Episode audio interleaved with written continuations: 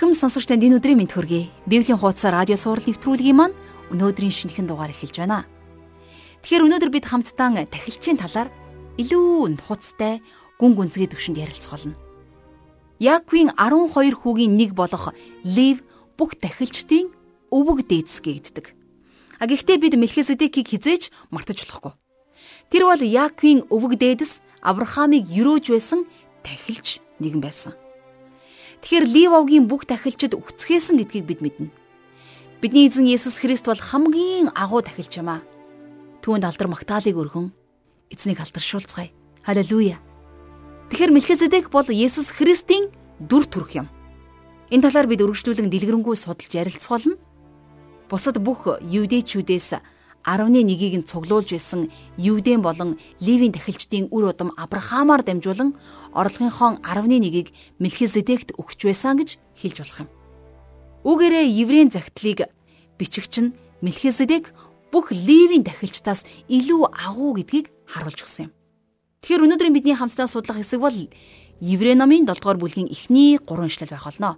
Ингээд хамтдаа эзэнд энэ цагийг өргөн залбирцгаая.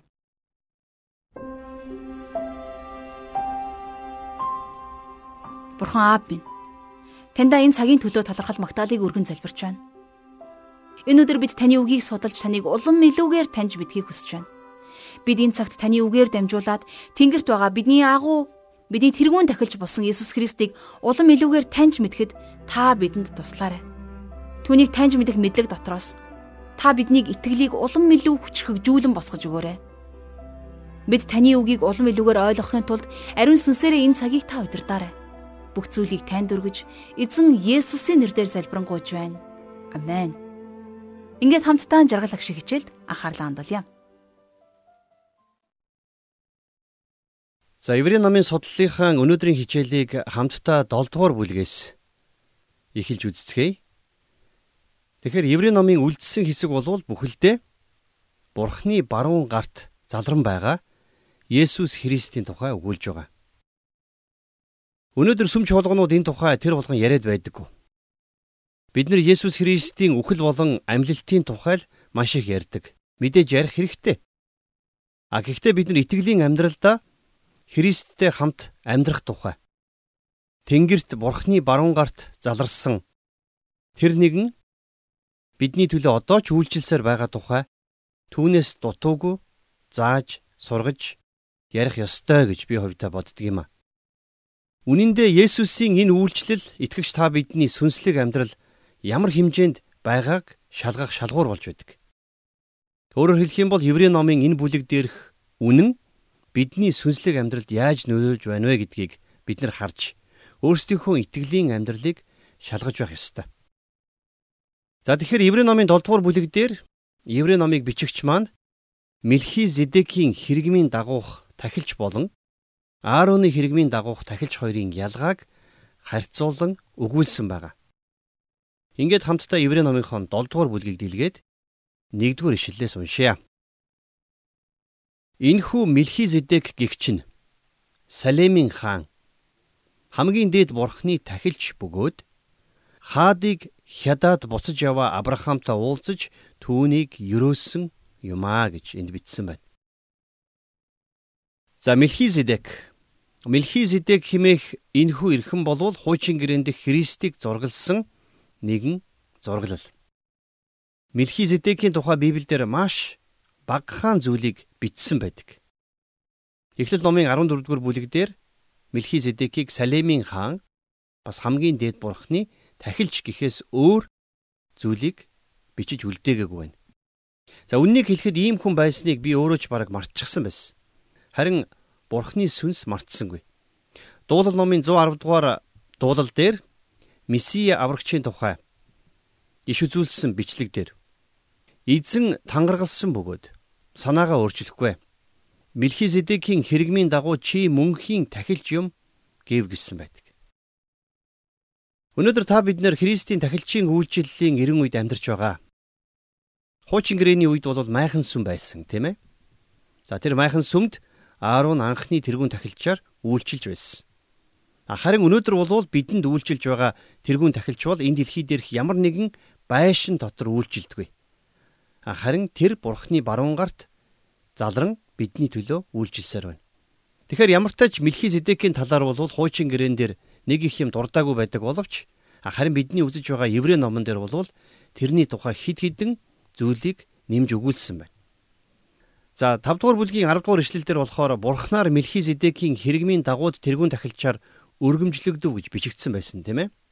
За бас 6 дугаар бүлгийн 20 дугаар ишлэлдэр харах юм бол Мелхизедекийн хэрэгмийн дагуу үрд тэрүүн тахилж болж бидний төлөө урд маань гүүхч адил гэж бичсэн байна.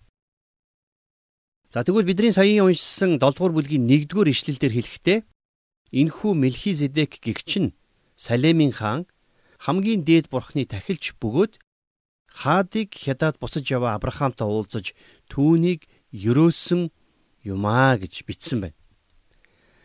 За тэгэхээр бидний үзэж байгаа Еврей номын 7 дугаар бүлгийн гол түлхүүр ишлэл нь бол 17 дугаар ишлэл байдаг. Энд дээр юу гэж бичсэн байдгүй гэхээр Тиймээс Мелхизедекийн хэрэгмийн дагуу чи мөнхийн тахилч юм гэж гэрчилсэн байна гэж бичсэн байна.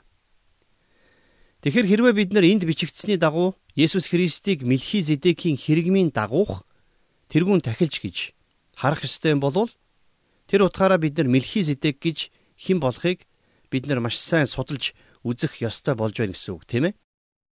За ингийн тулд бол мэдээж бид нар эхлээд Эхлэл номын 14 дугаар бүлэг рүү эргэж очих хэрэгтэй болно. За Эхлэл номын 14 дугаар бүлэг дээр Библиэлд хамгийн анхны дайны тухай тэмдэглэл бичигдсэн байна. За юу вэ гэхлээр дорн зүгийн хаад хоорондоо холбоотон болоод за өрн зүгийн хаадтай дайдсан байна. За ингээд дорн зүгийн хаад тулаанд ялж өрн зүгийн хаадын хотуудыг нь тоноод эд баялагийг нь хамж ард түмнийг нь боолчлолд авч явсан. А гэтэл тэдгэр хүмүүсийн дунд Лот ч бас боол болоод олзлогдсон явсан тухай мэдээ бол Авраамд ирдэг тийм ээ. За ингээд юу болсон гэхлээр Авраам өөрийнхөө гэрт өссөн 318 ирчүүдийг зэвсэглэн дагуулад гарч явсан. За ингээд харах юм бол Авраамийн овг нилээд хүчрэхэг болсон байсныг бас бид нар эндээс харж болно. Зөвхөн зэвсэг барих насны ирчүүд нь 318 байсан гэд бодох юм бол эмэгтэйчүүд хүүхдүүдтэйг нийлээд За Авраамийн мэдлэлд мянга гаруй хүн байсан гэж бид нэр таамаглаж болохоор байна. За ингээд Авраам дайснуудаа гиндүүлэн дайрч дорн зүгийн хаадыг ялан дийлсэн байдаг. Хэдийгээр Авраам зөвхөн Лотын төлөө санаа зовж байсан боловч энэ үйл явдлаар дамжуулаад Содомын хаан болон бусад хаад ноёд ч гэсэн бас чөлөөлөгдсөн байдаг. За ингээд Эхлэл номын 14-ийн 17 дугаар ишлэлдэр хэлэхдээ Хидрэлмерийг хамсаатан хаадтай нь бут цохиод Авраамыг бусаж ирэхэд нь Содомын хаан Шавегийн хөндийд түүнийг угтахаар гарч ирвэ гэсэн байна. За эндээс харах юм бол Содомын хаан Авраамд маш их эд баялагийг санал болгосон боловч Авраам тэр бүхнийг хүлээж авахаас татгалцсан байгаа. Харин дараа нь 18 дугаар ишлэгийг харах юм бол Салемийн хаан Мелхизедек талах дарс аваад гарч иржээ. Тэрээр хамгийн дээд бурхны тахилж байваа гэж бичсэн байна. За ингээд юу болсныг бол дараагийн буюу 7 дугаар бүлгийнхээ 2 дугаар ишлэлээс бид нар уншиж болж байна. Авраамч түүнд бүх юмнаас 11-ийг таслан өгчээ. Нэрийг нь орчуулбал эхлээд зөвхт байдлын хаан, дараа нь Салемийн хаан буюу амар тайвны хаан аваа гэж бичсэн байна. За зарим судлаачид энд гарч байгаа Салем гэдгийг бол Иерусалим хотыг хэлж байна гэж үздэг. За би бол хувьдаа ингэж боддгоо. Салем гэдэг нь ямар нэгэн газар юм уу хотын нэр биш харин энэ нь амар тайван гэсэн үг. Өөрөөр хэлэх юм бол Мелхизедек нь Иерусалимийн хаан биш. Харин амар тайвны хаан байсан гэсэн үг. За нөгөө талаасаа бол энд хэлэхдээ тэрнийг зөвхт байдлын хаан гэж хэлсэн байна. Еврейгээр Мелех гэдэг нь хаан гэсэн үг. Харин Зедек гэдэг үг нь зөвхт байдал гэсэн үг. За тийм учраас Ирмея бурхныг Йехов Зедекэнүү буюу Йехова бол бидний зөвхт байдал гэж нэрлж байсныг та санаж байгаа бах тийм ээ. За тэгэхээр нэрнээс нь харах юм бол Мелхизедек нь олон талаараа Христтэй төстэй буюу Христийн зургал болсон нэгэн болохыг бид нар бас харж болж байна. Мелхизедек нь зөвхт байдал болон амар тайвны хаан байсан. А тэгвэл Есүс Христ ч гэсэн бас хаа мөн. Есүс бол бидний зөвхт байдал мөн. Эхлэл номон дээр хэлэхдээ Мелхизедек нь хамгийн дээд бурхны тахилч байваа гэж тодорхойлсон байна. А тэгвэл бидний эзэн Есүс Христ ч гэсэн бас хамгийн дээд тэргүүн тахилч шүү дээ. За тэгэхээр хамгийн сонирхолтой нь энэ Мелхизедек Авраамтай уулзахаар хурж ирсэн байна. За ингэж уулзахдаа тэрээр талах дарс авч ирсэн байна тийм ээ. Хуучин гэрээний үеийн эдгэр хүмүүс ч гэсэн бас одоогийн биднийхтэй адил эзний зоог барьдаг байсан гэж би бодож байна. Тэд нар Есүс Христийг мэдлэхээс бүр 2000 жилийн тэртет ирэх тэрхүү Христийг бэлэгдэж тийм ээ. Талах дарс хуваан хүрдсэн байна шүү дээ. Харин өнөөдөр бид нар хамтдаа цугларч эзний зоогийг хувааж хүртэхдээ 2000 жилийн өмнө ирсэн Христийг бодож түүнийг ширтэн хардаг билээ. За 3 дугаар ишлэгийг одоо уншийе. Тэр эцэггүй, ихгүй, ураг удамгүй, ихэллийн өдөрчүгүй, амийн төгсгөлчүгүй, харин бурхны хүүтэй адил болгогдож үрд тахилчаар байдаг ажээ гэж 3 дугаар ишлэлээр бичсэн байна. За эндээс харах юм бол Мелхизедек гэдэг нь Христийн нэгэн зураг байсан гэдэг нь бүр илүү тодорхой болж байгаа. Есүс бол эхлэлийн өдргүй амийн төгсгөлгүй нэгэн. Есүст эхлэл гэж байхгүй бас төгсгөл гэж байхгүй. Библиэлд Есүс бол өөрөө эхлэл бас өөрөө төгсгөл гэж хэлсэн байна. Есүс бол цаг хугацаанаас ангид цаг хугацааны гадна оршигч нэгэн. А тэгэхээр сонирхолтой нь Мелхизедекийн ургийн бичиг эхлэл номон дээр бас байдаггүй. Мелхизедекийн эхлэлж төгсгөлж Библиэлд байхгүй. Тэгэхээр Есүс ч бас эхлэлгүй төгсгөлгүй нэгэн. Бид нэр Есүсийн эхлэлийг эсвэл түүний төгсгөлийг мэдэхгүй. Есүс бүх цаг хугацааг дүүргэн мөнхийн мөнхөд оршигч нэгэн. А тэгвэл Есүс Христийн яг энэ мөнх чанарыг илэрхийлж чадах хүн Библиэлд байна уу? Тэгэхээр эхлэл номдэр гарч байгаа энэ хүү Мелхизедек гэдэг хүн бол чухамдаа Есүс Христийн энэ хүү эхлэлчгүй төгсгөлчгүй мөн чанарыг илэрхийлж чадах цорын ганц нэг юм. Эхлэл номон дээр маш олон хүмүүсийн ургийн бичгүүд гардаг. Жишээлх юм бол Адам нь тим тим тим хүүтэй байла, Авраамийн хүү Исаак, Исаагийн хүү Яаков, Исаав гэх мэтэр маш олон гэр бүлүүдийн ургийн бичгийг Эхлэл номон дээр бүр тоочин бичсэн байдаг тийм ээ. А тэгсэн мөртлөө Мелхизедекийн ургийн бичиг гэж байдаггүй. Яагаад бурхан Мелхизедекийн ургийн бичгийг Библиэлд бичээгүй болов?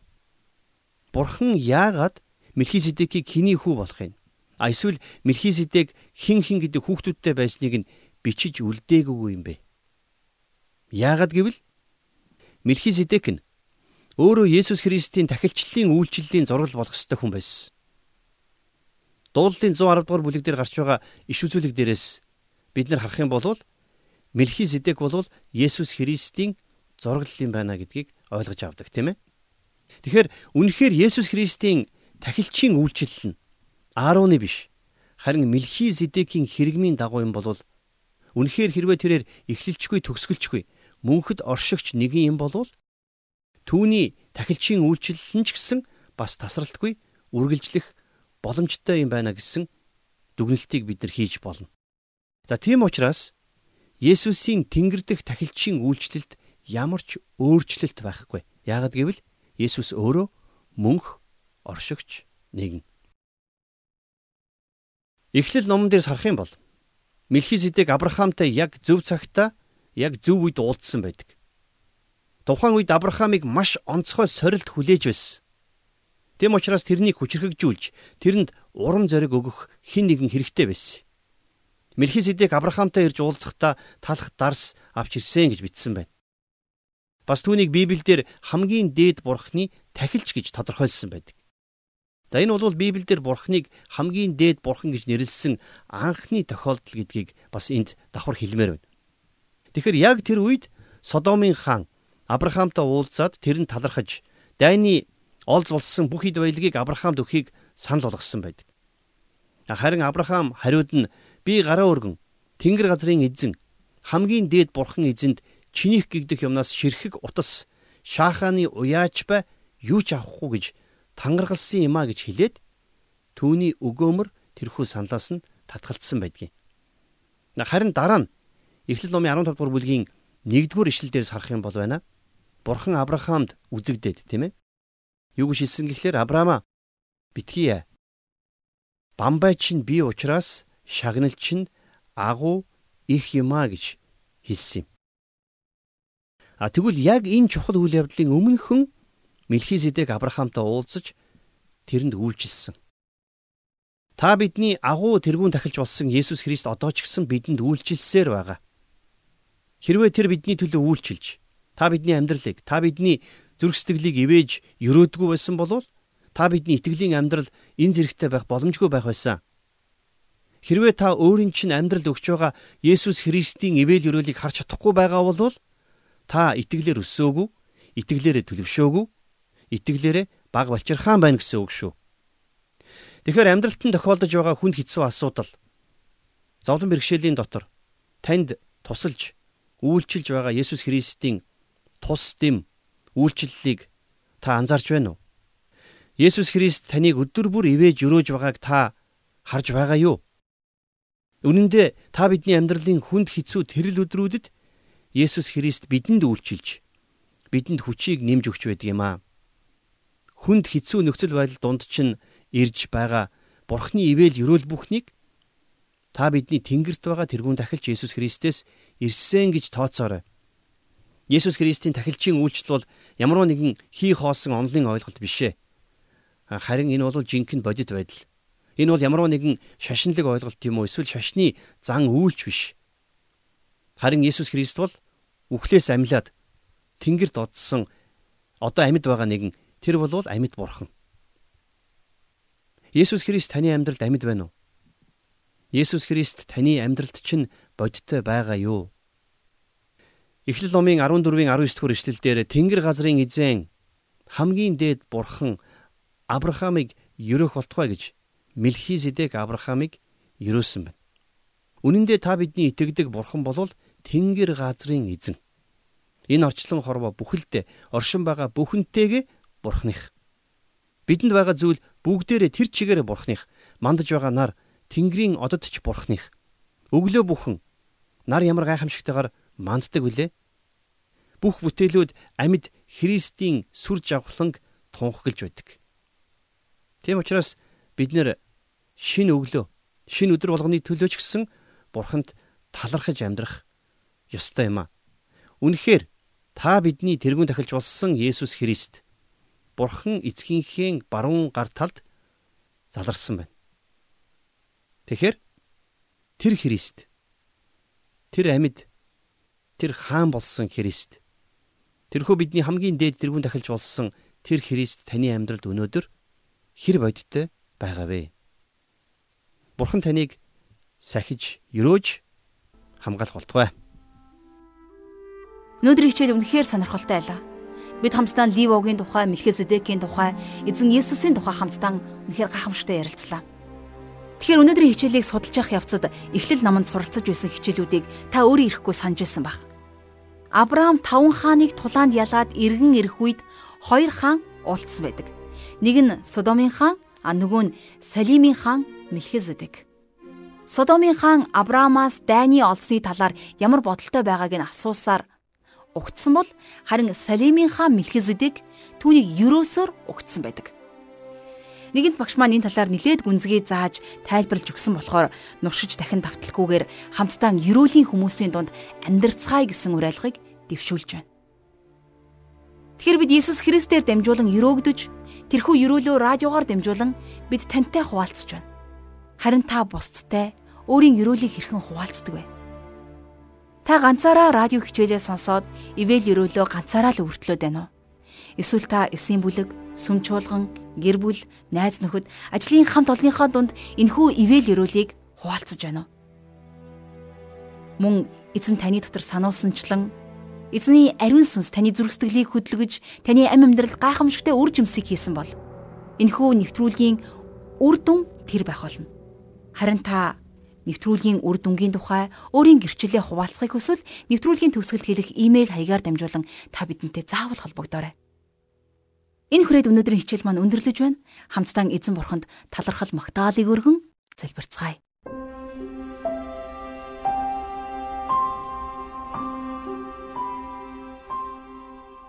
Бурхан аав минь, таньда баярлалаа.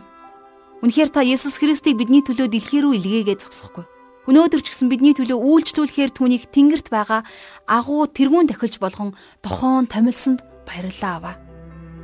Түүний ивэл өрөөл бүрийн төлөө эзэн бурхан минь бид тань талархал магтаалыг өргөн залбирч байна.